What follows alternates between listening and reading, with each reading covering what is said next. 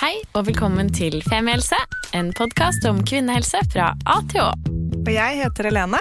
Og jeg heter Sigrun. Og vi har startet denne podkasten fordi vi mener at det bør snakkes mye mer om kvinnehelse. Så la oss snakke. Hallo, alle sammen. Hallo. Hallo.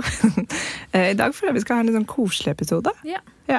Eh, ikke at de andre episodene våre er Veldig ukoselig. er veldig ukoselige, men eh, det er sånn mild stemning i eh, studio i dag. Vi skal snakke om fødselsforberedelse. Sa jeg det riktig? Ja, for det er ikke forbedrelse. Forberedelse pleier jeg å si, da. Ja, du sa det mye bedre enn meg. Ja. Men, og vi har da med oss Ragnhild Torjesen, som er en doula. Og første gang jeg hørte eh, ordet doula, så ble jeg veldig liksom lurte veldig på selvfølgelig hva det var. Og så begynte jeg å lese meg litt opp, og så ble jeg sånn Herregud, dette er jo helt helt rått konsept. Og at jeg ikke har, det er kanskje ikke så rart at jeg ikke har hørt om det før, med tanke på at jeg ikke har gått gjennom en graviditet og født. Men eh, jeg syns det er veldig kult, og jeg er veldig glad for at vi har fått med oss eh, Ragnhild her i dag for å snakke litt om dette, og hvordan man kan forberede seg på fødsel. Så velkommen til oss i dag, Ragnhild. Tusen takk. Så hyggelig å ha deg her. Det er ganske hyggelig å være her. ja. Så bra. Kan ikke du fortelle litt om hva du jobber med? Ja, jeg eh, er da en profesjonell støtteperson.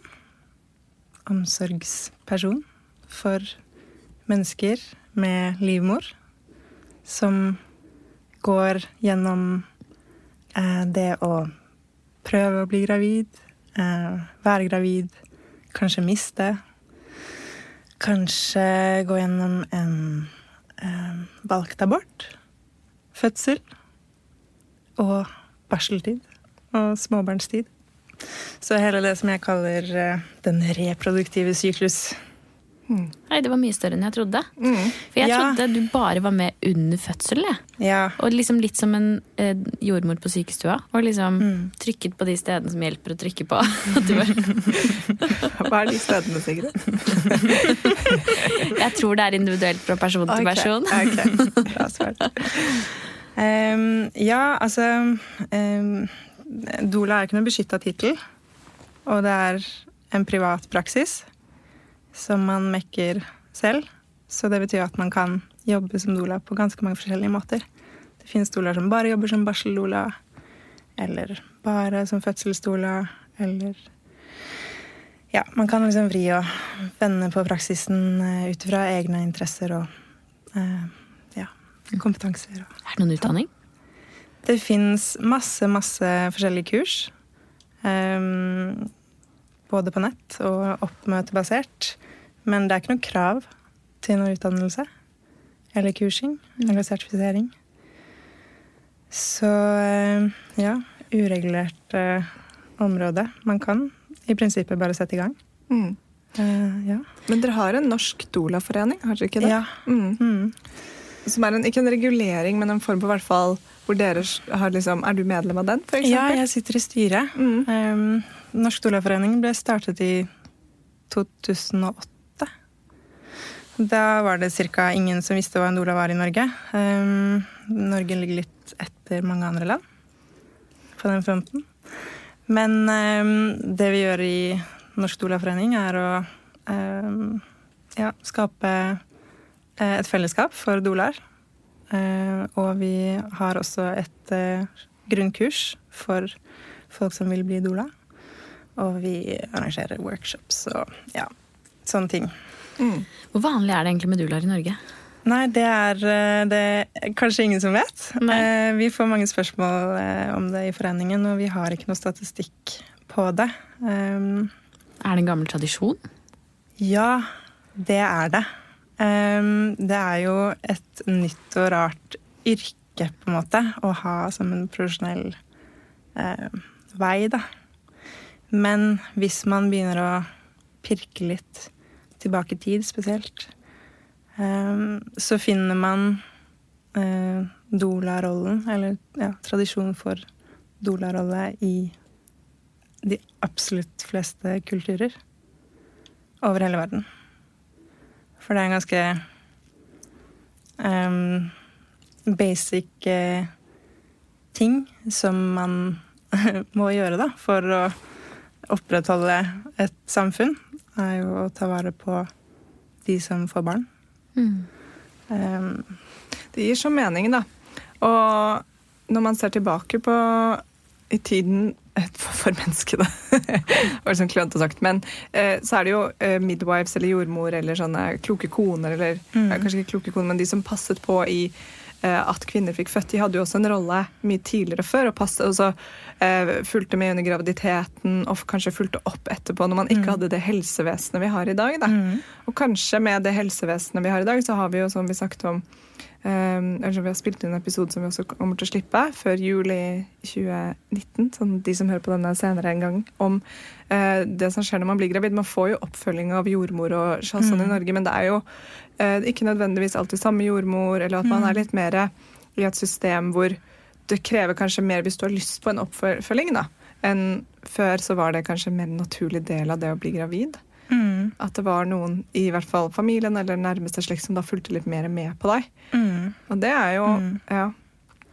Mm. Ja, altså fødselen har jo blitt eh, fra hjemmet til eh, over på i institusjonene. Um, og det er jo mange ting som er bra med det, men um, det er nok en Altså, min jobb er litt som en slags kompensasjon for eh, den storfamilien som ikke fins eh, lenger for veldig mange. Eh, og også for en type kvinnefellesskap eller en eh, erfaringsbasert kunnskap om eh, alt som skjer når man blir gravid eh, og føder og har disse barna.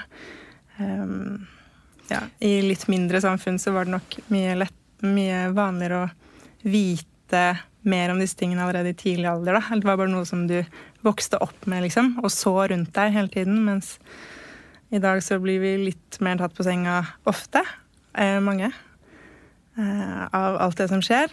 Og så får vi noe eh, omsorg og oppfølging fra det offentlige helsevesenet, men det eh, ja, er ikke alltid nok, eller eh, individuelt tilpassa nok. Mm. ja. Og jeg, eh, akkurat det der med at informasjonen også går litt tapt mellom generasjoner, eller bare i venninnegjenger, Mm. Det er noe jeg har reflektert mye over, og som vi har snakket om en del her også. At det er akkurat som at eh, ja, Kanskje fordi det skjer på sykehuset. Eh, Og fordi det skjer litt sånn utenfor der man vanligvis er. Jeg er jo ikke med venninnene mine på ultralyd. eller altså, Jeg er ikke med på Det er veldig lukket, på ja, måte. det er lukket. Det er liksom noe mer Privat. Ja, og gjerne noe du Mm. gjør med barnefaren eller med Mm. en utvalgt partner, eller eh, kanskje med et familiemedlem hvis du ikke har en partner, men det er ikke noe du kanskje involverer alle massivt i. da. Og det er jo Jeg har tenkt mye på at man får ikke den kunnskapen før du selv går igjennom det. Og da er det ofte litt sånn Ops, det var sånn det var, ja. Det er veldig bratt læringskurve. Veldig Mm. mye å ta igjen, liksom. Mm.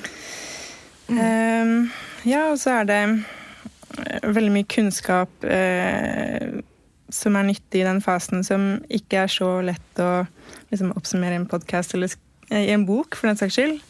Eh, som kanskje ikke eh, ja, er så lett å fange i ord, men uh, mye lettere å bare lære når man ser det Ja. og erfarer Føler det, det. og Mm. føler det. Og, Mm.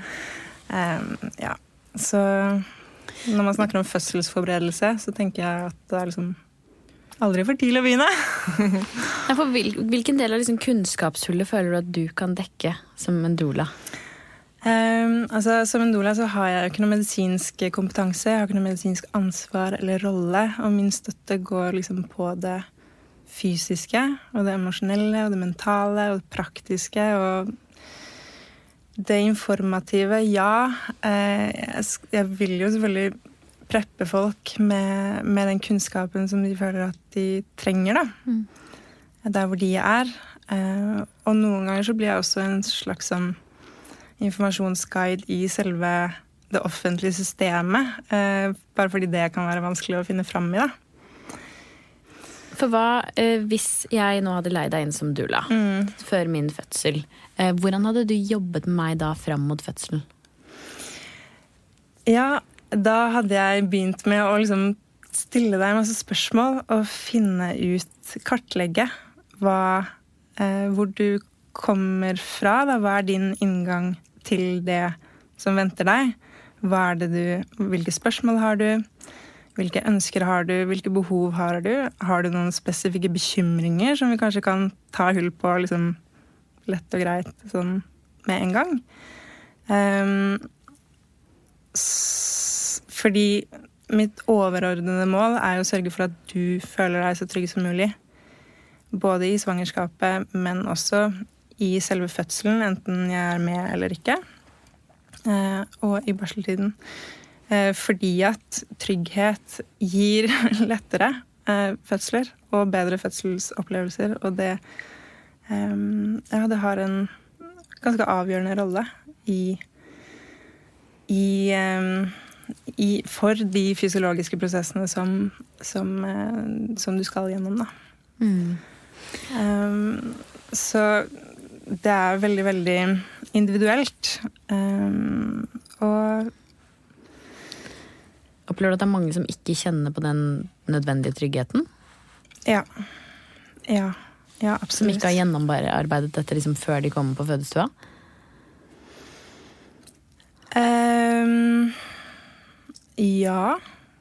Um, ja, jeg tror Ja, jeg tror det er mange som ikke gjennomarbeider det, ja.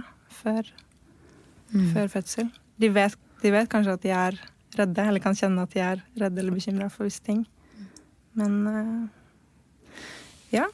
Folk, folk, er ganske uh, engstelige uh, for fødsel. Men når, da, når, noen tar kontakt med deg, så skreddersyr man da et opplegg sammen med deg for liksom, ok, man finner ut hva er behovet. Men jeg ble litt nysgjerrig når du sa at du hjelper folk som holder på å bli, eller prøver å bli gravide også. Mm. Er det som, nå bare gjetter jeg, er det som regel folk som har prøvd en stund? Eller er det sånn vi skal begynne å prøve etter jul, så jeg vil gjerne ha noen, en tredjepartner som kan være med på reisen, eller hvordan funker det? Altså, Eh, jeg er jo da ikke til stede mens de prøver okay. å bli gravide.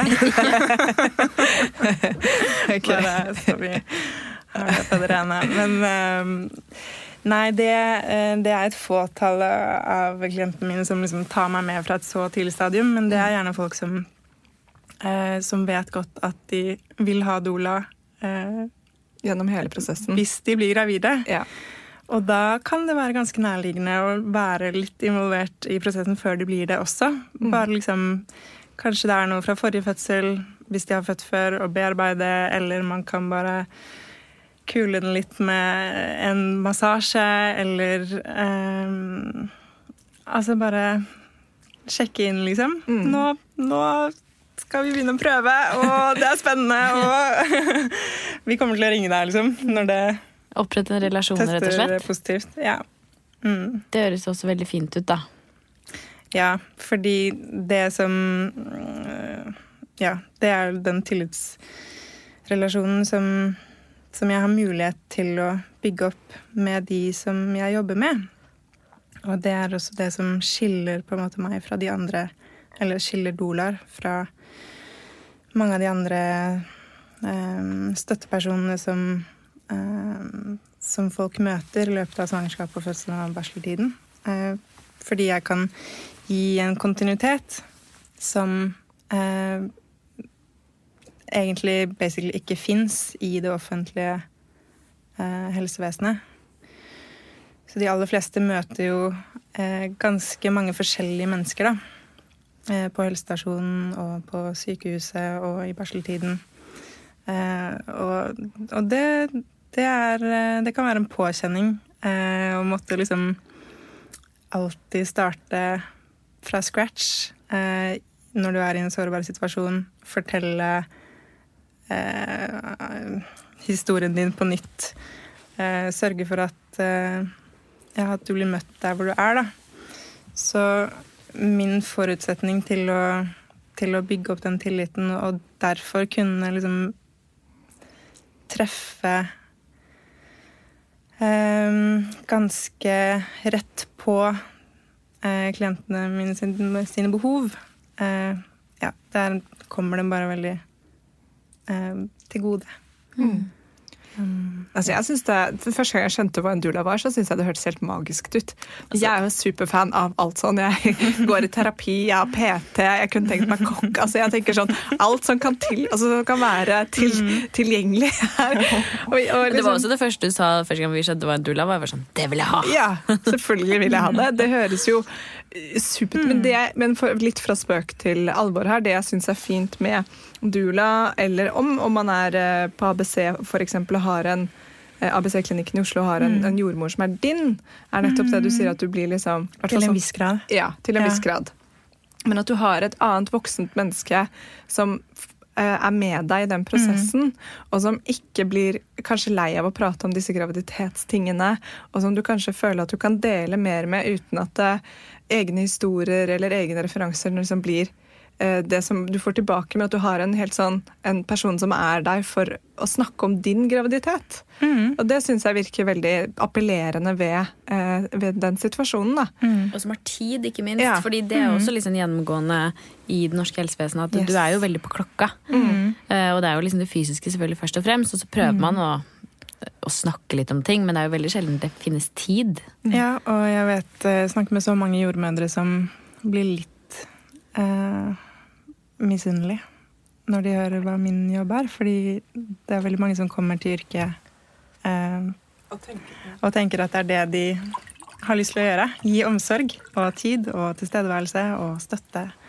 Eh, og så eh, har eh, Ja, er det ikke rom for det, da, i eh, i, mm, I jobben ja, deres. I jobben deres. Nei. Så eh, jeg liker jo Jeg har tenkt mange ganger på om jeg skulle bli jordmor, men jeg er veldig glad i å eh, ha ha eh, eh, ja, kvinnene selv som sjef. At jeg skal ikke svare til noen over meg i systemet. Eh, jeg, jeg gjør det som de trenger, da, og ønsker. Det er veldig fint. Mm. Er det noe sånn eh, fellestrekk eh, for hvordan man kan forberede seg godt til en fødsel? Hva er dine beste tips? Det er supervanskelig å eh, oppsummere, syns jeg. Eh, jeg har jo jobbet eh, som doula nå i åtte år, og jeg har alltid tenkt liksom, å, nå skal jeg begynne å lage sånn gruppekurs og sånn, men jeg bare kommer meg ikke til det, fordi eh, jeg ser bare en sånn utømmelig variasjon da, i hva, hva folk trenger. Så jeg jobber eh, kun én til én eh, foreløpig. Eh, og trives eh, så godt med det. Men det kan være så mange ting som er meningsfull forberedelse for deg. Men utgangspunktet burde jo kanskje være at du gjør ting som øker din følelse av trygghet. Mm. Um, og da er det liksom snakk om din Ja, hva er det som får deg til å føle deg trygg? Eller tryggere? Uh, ikke hva som får alle andre til å føle seg trygg, men akkurat deg.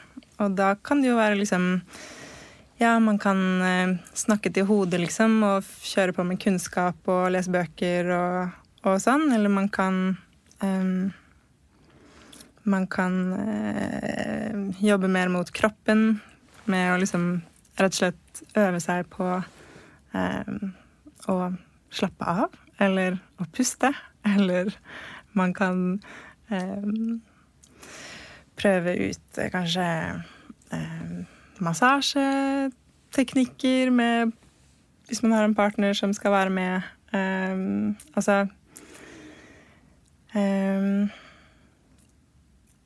ja, det er bare veldig mange forskjellige inngangsporter da, til forberedelse. Men eh, Jeg tenker ja, jo gjør det som er meningsfullt for deg. Og som du sier, liksom finne denne tryggheten Mm. på en eller annen måte. I form av ro eller kunnskap eller hva det, hva det nå enn måtte være. Jeg skjønner at det er vanskelig å si noe generelt, fordi selvfølgelig vi er jo Dessverre. veldig, veldig forskjellige. Jeg skulle gjerne bare kommet med det. Men det høres jo liksom Det jeg trekker ut av det, da, er at hvis man um, Som i, i resten av livet, ikke sant. Men av og til så går man rundt og er, har eh, er sånn mørke følelser eller tanker. eh, føler seg anspent, sliten, stresset. Og at i en graviditet så for hver og en, hvis man ikke har det eh, liksom, Det er vel lett å si, da. men at man, at man tar litt sånn ekstra vare på Mm. og jobber med eh, jobber med det, eller tar liksom hensyn til Mm. seg selv. da, Og litt ekstra i den prosessen, og at det er med på fødselsforberedelse. Mm. Fordi jeg tror ikke det Ja. vi snakker om her, er jo ikke nødvendigvis å smøre liksom olje eh, i vagina og tøye den. Det er ikke det vi mener. Det men er supert, altså. Men, Er det det? Ja, ja. Men man må ikke gjøre det, liksom. Nei. Man kan klare seg fint uten. Mm. Men uh, Hva, ja. Så det handler kanskje litt om det der å identifisere hva, hva er det jeg trenger for å ha det litt bedre nå, eller ha det bra. Ha det bra. Ja. Ja. Ikke sant? Og for å identifisere det, så må man jo på en måte Da må man jo begynne å kjenne etter. Mm. Eh, Og bare det kan jo være en eh, stor nok eh, nøtt for mange av oss. Mm. Spesielt kanskje fordi behovene liksom plutselig endrer seg Kan endre seg ganske drastisk, da. Når man blir gravid, så bare Oi, jeg trenger helt andre ting nå enn jeg gjorde før. Og hva, hva skjer? Hvor ble det av identiteten min, Mm. liksom? Mm. Men uh, ja, så det, det med å liksom kjenne etter og uh, tune inn da, på seg selv og sine egne behov. Og eh, ja, hvis man ikke har det for vane allerede, liksom begynne å eh, respektere seg selv uh, på et sånt dypt plan. Mm. At man prøver å liksom være raus og snill med seg selv. Eh, fordi det får man så innmari bruk for når man får barn. Ja. Um, så um, Ja, den derre kontakten innover, da, er nyttig når man skal um, gjennom en sånn ut av kroppen-opplevelse. Eller inn i kroppen-opplevelse, som Mm. fødsel. Og et nytt liv. Mm. Altså, Mm. Både metaforisk sett, men også sitt eget nye liv. Mm. Mm. Mm. Og det er jo sikkert, og jeg, det er jo vanskelig for mange av oss nettopp å Uh, Hvis man føler seg annerledes, da, eller opplever at ting endrer seg, som du sier, at man har Mm. andre behov, at uh, både liksom fysisk og psykisk, så er det jo det er jo ikke bare lett å gjøre noe med det. For veldig mange av oss, Man er jo vant til å kjøre på i et visst tempo, Mm. gjøre de tingene man gjør. Man har levd livet sitt i veldig mange år på Mm. en måte man har trivdes med, håper jeg. Mm. Så da er det jo heftig å gjøre noe med det også. Men det høres veldig, veldig klokt ut, og noe som det er lurt da, å jobbe med. Mm. Og, Prøve å opprette en kontakt innover. for, men også når man da nærmer seg fødsel, eh, hva slags valg har du egentlig da når det kommer til din egen fødsel? Mm, ja. Ehm, igjen uh, vanskelig svar. I teorien har du uh, full selvbestemmelse og alle valg i verden. Eh, fordi man har noe som heter pasientrettighetsloven, og du har rett til å ja, ta informerte valg om hva du vil og ikke vil gjøre med kroppen din. Og så er det jo kanskje Eller det er ja, varierende hvor mye rom det er for det eh, sånn i praksis når du kommer ut i fødsel. Hva kan det være? Kan det være sånn at du vil ha én Altså ikke ha masse folk inne i rommet, eller at du vil ha badekar, eller er det, er det Jeg aner ikke, jeg bare spør, jeg. Ja, nei, det kan være mm, Det kan være mm, hvis det blir snakk om eh, igangsettelse, f.eks., eller um, vaginalundersøkelser underveis i fødselen for å sjekke hvor, eh, hvor stor åpningen er. Ja. Um, Du kan takke nei, liksom. ja, Ja. du Mm. kan basically takke nei til hva som helst. Mm. Um, men forutsetningen for det er jo at du får eh, god og objektiv informasjon av noen. Mm. Og tid og rom til Mm. å ta et valg som, du, som er riktig for deg. Mm. Så um, der tror jeg nok vi er inne i et sånn paradigmeskifte, egentlig, fordi um, det er fortsatt en god del um, sånne beskjeder som man bare får som gravid kropp eller fødende kropp, om at liksom Ja, men da, da møter du til en gangsetting uh, mandag klokka åtte, liksom. Uh, uten noe mer uh, info, da. Eller um, Eller noen spørsmål. eller noen spørsmål, eller uten å bare få eh, inntrykk av at dette er et valg man eh, kan ta selv i det hele tatt. Eh, så i, på den måten så preger jo liksom systemet vi føder i, og holdningene som det systemet er understøttet av, da, det preger jo fødslene våre i ganske stor grad. I mye større grad enn jeg tenkte over som førstegangsgravid. Um, um, men hvis man vil uh, Hvis man vil sette seg selv i førersetet og, og, ta valg, så, så, er det jo en prosess med å begynne å skaffe seg informasjon og gå i dialog med de som uh, jobber der hvor du skal føde. Um, og liksom finne ut av hva er deres rutiner og prosedyrer. Uh, går det an å tweake det på noen måte hvis de uh, ikke henger i hop med det som jeg vil? Um, og man kan, jo, man kan jo ta bevisste valg rundt uh, fødested, f.eks.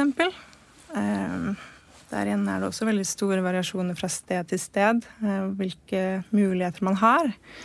Men sånn som her i Oslo så kan man jo velge mellom å føde liksom, på vanlig fødeavdeling eller en mykenhet eller jordmorstyrt eh, avdeling som ABC, hvor man eh, i hvert fall har en viss mulighet til å få kontinuitet. Da. Du kan jo ende opp med å føde med en jordmor eller to som du faktisk har møtt før i svangerskapet. Mm. Og det er supergunstig. Eller eh, ja, her er det også ganske god tilgang på hjemmejordmødre. Eller det fins i hvert fall noen som driver med hjemmefødsel og støtter deg hjemme. Mm. Så ehm, ja, det, det, kommer an på hvilke tilbud som fins der hvor du bor, og også hvilken risikokategori du, du defineres til.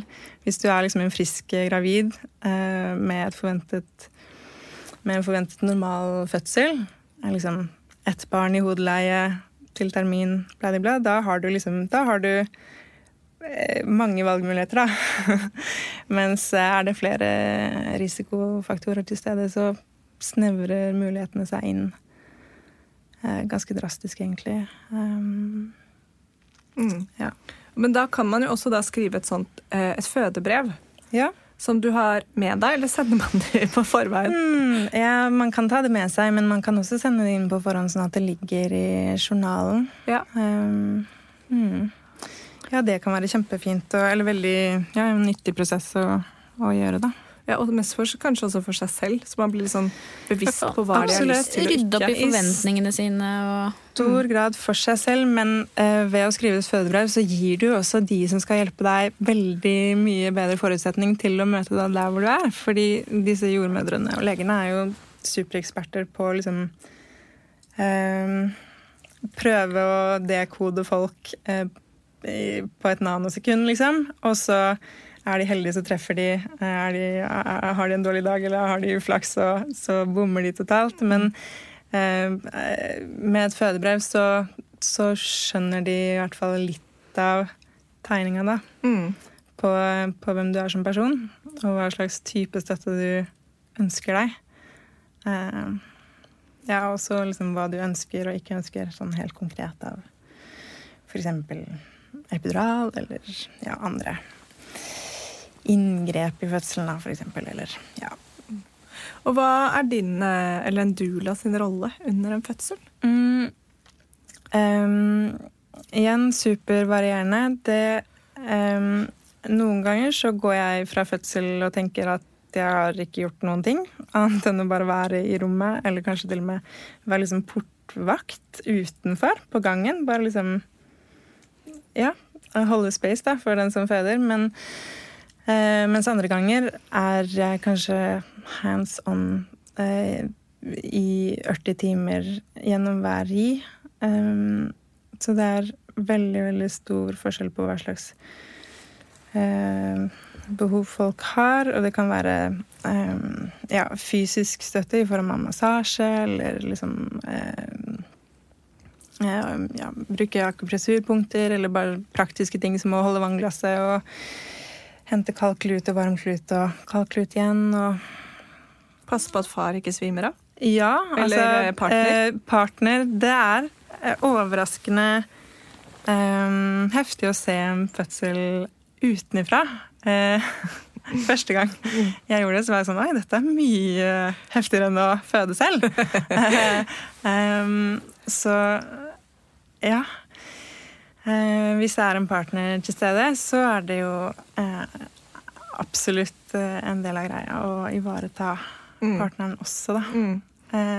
både sånn helt som for seg selv, altså at partneren skal få rom til å liksom være i sin prosess og være emosjonell og være ja, holde på med sine greier, samtidig som jeg også støtter mange i å støtte mm den fødende. Og kunne veilede litt? Ja. Liksom, å ja, dette likte hun. Dette likte hun, ikke sant. Hvis jeg, liksom, jeg har jo lavere terskel for å teste ut ting, hva som funker eh, for kvinnene. Så kanskje liksom Å ja, hofte, altså press på hoftene, det funker bra. Og så bare får jeg partneren over, så kan overta det, og så kan jeg gjøre noe annet. ikke sant? Og så føler de seg Lurt. Igjen, dette hjelp, er en, en, så fantastisk tjeneste. Dette er en så fantastisk jobb, da. Altså, jeg blir helt sånn Å, alle fortjener en doula. Ja, jeg tenker også det, men eh, det, det, er mange som er liksom opptatt av eh, hvem hvem, eh, liksom, hvem en doula kan gjøre arbeidsledig, på en måte. Eller sånn Tar doulaen over for jordmor? Eller tar, eh, tråkker doulaen inn på partnerens eh, territorium, på en måte? Eh, så det er litt sånn Ja, det er ikke alle som er like overbevist som deg. Nei. Men, eh, men f.eks. for eksempel i forhold til partneren så er det ganske morsomt fordi der jeg møter en del partnere som er litt skeptiske, som blir dratt med av, av den gravide. Um, og så kommer de litt sånn på glid etter hvert, og så etter fødselen så er det alltid de som er liksom superlykkelige for, for at de hadde en doula, og skryter om det til, eh, skryter av det til alle, liksom. Så ja. ja. Kan jeg tenke meg. Alle blir jo litt mindre alene. Både den som føder, og ikke minst partneren også. Man, det er liksom litt flere må dra lasset. Absolutt. Uh, og det er liksom Ja, en fødsel er en heftig ting. Det kan bare Det kan ikke bli nok eh, støtte, tenker jeg. Eller det kan ikke bli for mye. Og og, og liksom Går alt superfint, og eh, kvinnen bare gjør sin greie, og ja, da, da sitter man i en stol da, og strikker, eller bare ja, er der. Ja. Men så trår man til når det trengs. Mm. Ja. Um, helt til slutt. Du har også vært med på et eh, Er det forskningsprosjekt, er det riktig å kalle det det? Med flerkulturell ja, det blir heldigvis uh, forsket litt på, eh, på det også. Ja. Um, ja, hva skal man kalle det? Et pionerprosjekt. Ja. På uh, Ja, det begynte på Ullevål. Det er da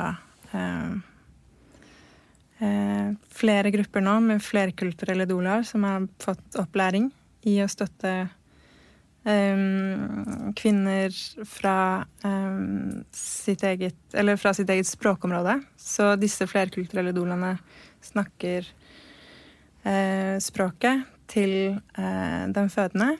Uh, og de som på en måte kan få støtte av de flerkulturelle dolene, er kvinner som har kort botid i Norge, som ikke snakker noe særlig norsk. Så vil si at de selvfølgelig er ekstra, ekstra sårbare i fødsel. Um, så det er det første offentlige prosjektet hvor doula-rollen liksom blir trukket inn i det inn i offentlig helsevesenet. Så jeg håper jo på mange flere, flere sånne prosjekter. Mm. En fødselstolk, da, rett og slett? Eh, i, nei, altså Rett og slett ikke, Sigrid. Tolk og hjelp. Ja, men En fødselshjelp for noen som er helt nye i landet. Ja. ikke sant? Og som da, altså, det er superfint, og det er en gruppe jeg ikke engang hadde ja, typisk meg, jeg ikke hadde tenkt at selvfølgelig er det en supersårbar situasjon. Mm. Man har ikke vært lenge i Norge og ikke prater norsk, og så skal du føde. Mm. Altså, men jeg tenker også en supersårbar gruppe i helsevesenet generelt sett, og mm. alt ja. som har med yes, kropp og helse yes, å gjøre. Yes, yes, yes. Sånn at, de eh, har Eh, vi har dårligere utfall. Eh, sånn helt statistisk i forhold til eh, ja, liv og helse, liksom, mm. enn kvinner som har bodd lenge i Norge. Så det er superbra at de får ekstra støtte da, i form av dette prosjektet. Og nå sprer det seg til Nå er det fem steder i Norge. Både i Trondheim og Drammen og Bergen, tror jeg. Så Så bra. det er veldig bra. Skikkelig fint prosjekt. Veldig bra. Tusen takk, Ragnhild. Det var så fint å ha deg på besøk. Veldig spennende å lære mer. Og, og ikke bare mer, men også hva en dula egentlig gjør og er. takk for Ja, skikkelig, Takk skikkelig for deg, fint. Ragnhild. Tusen takk for at dere hørte på. Eh, dere finner eh, Vi kommer til å dele episoden med eh, hva Ragnhild heter på Instagram, så kan man gå inn og titte litt der, men den heter i hvert fall eh, Imagine Doula på Instagram. Det er masse spennende læring. Ja, veldig mye fint. Så takk for at dere hørte på. Snakkes neste uke. Ha det! Tusen takk for at du hørte på podkasten vår. Selv om det forhåpentligvis kommer tydelig frem, så vil vi understreke at vi ikke er helsepersonell. Ja, så som vanlig, kontakt legen din om du har noen spørsmål, eller om du skal begynne på noen form for behandling. Og har du et tema som du har lyst til at vi skal snakke om, eller noe ris eller ros, så send oss gjerne en melding på Facebook eller på Instagram. Der finner du oss under Femihelse. Og du kan gjerne rate oss på iTunes, det er skikkelig hyggelig for oss. Ha en fin dag! Ha en kjempefin dag!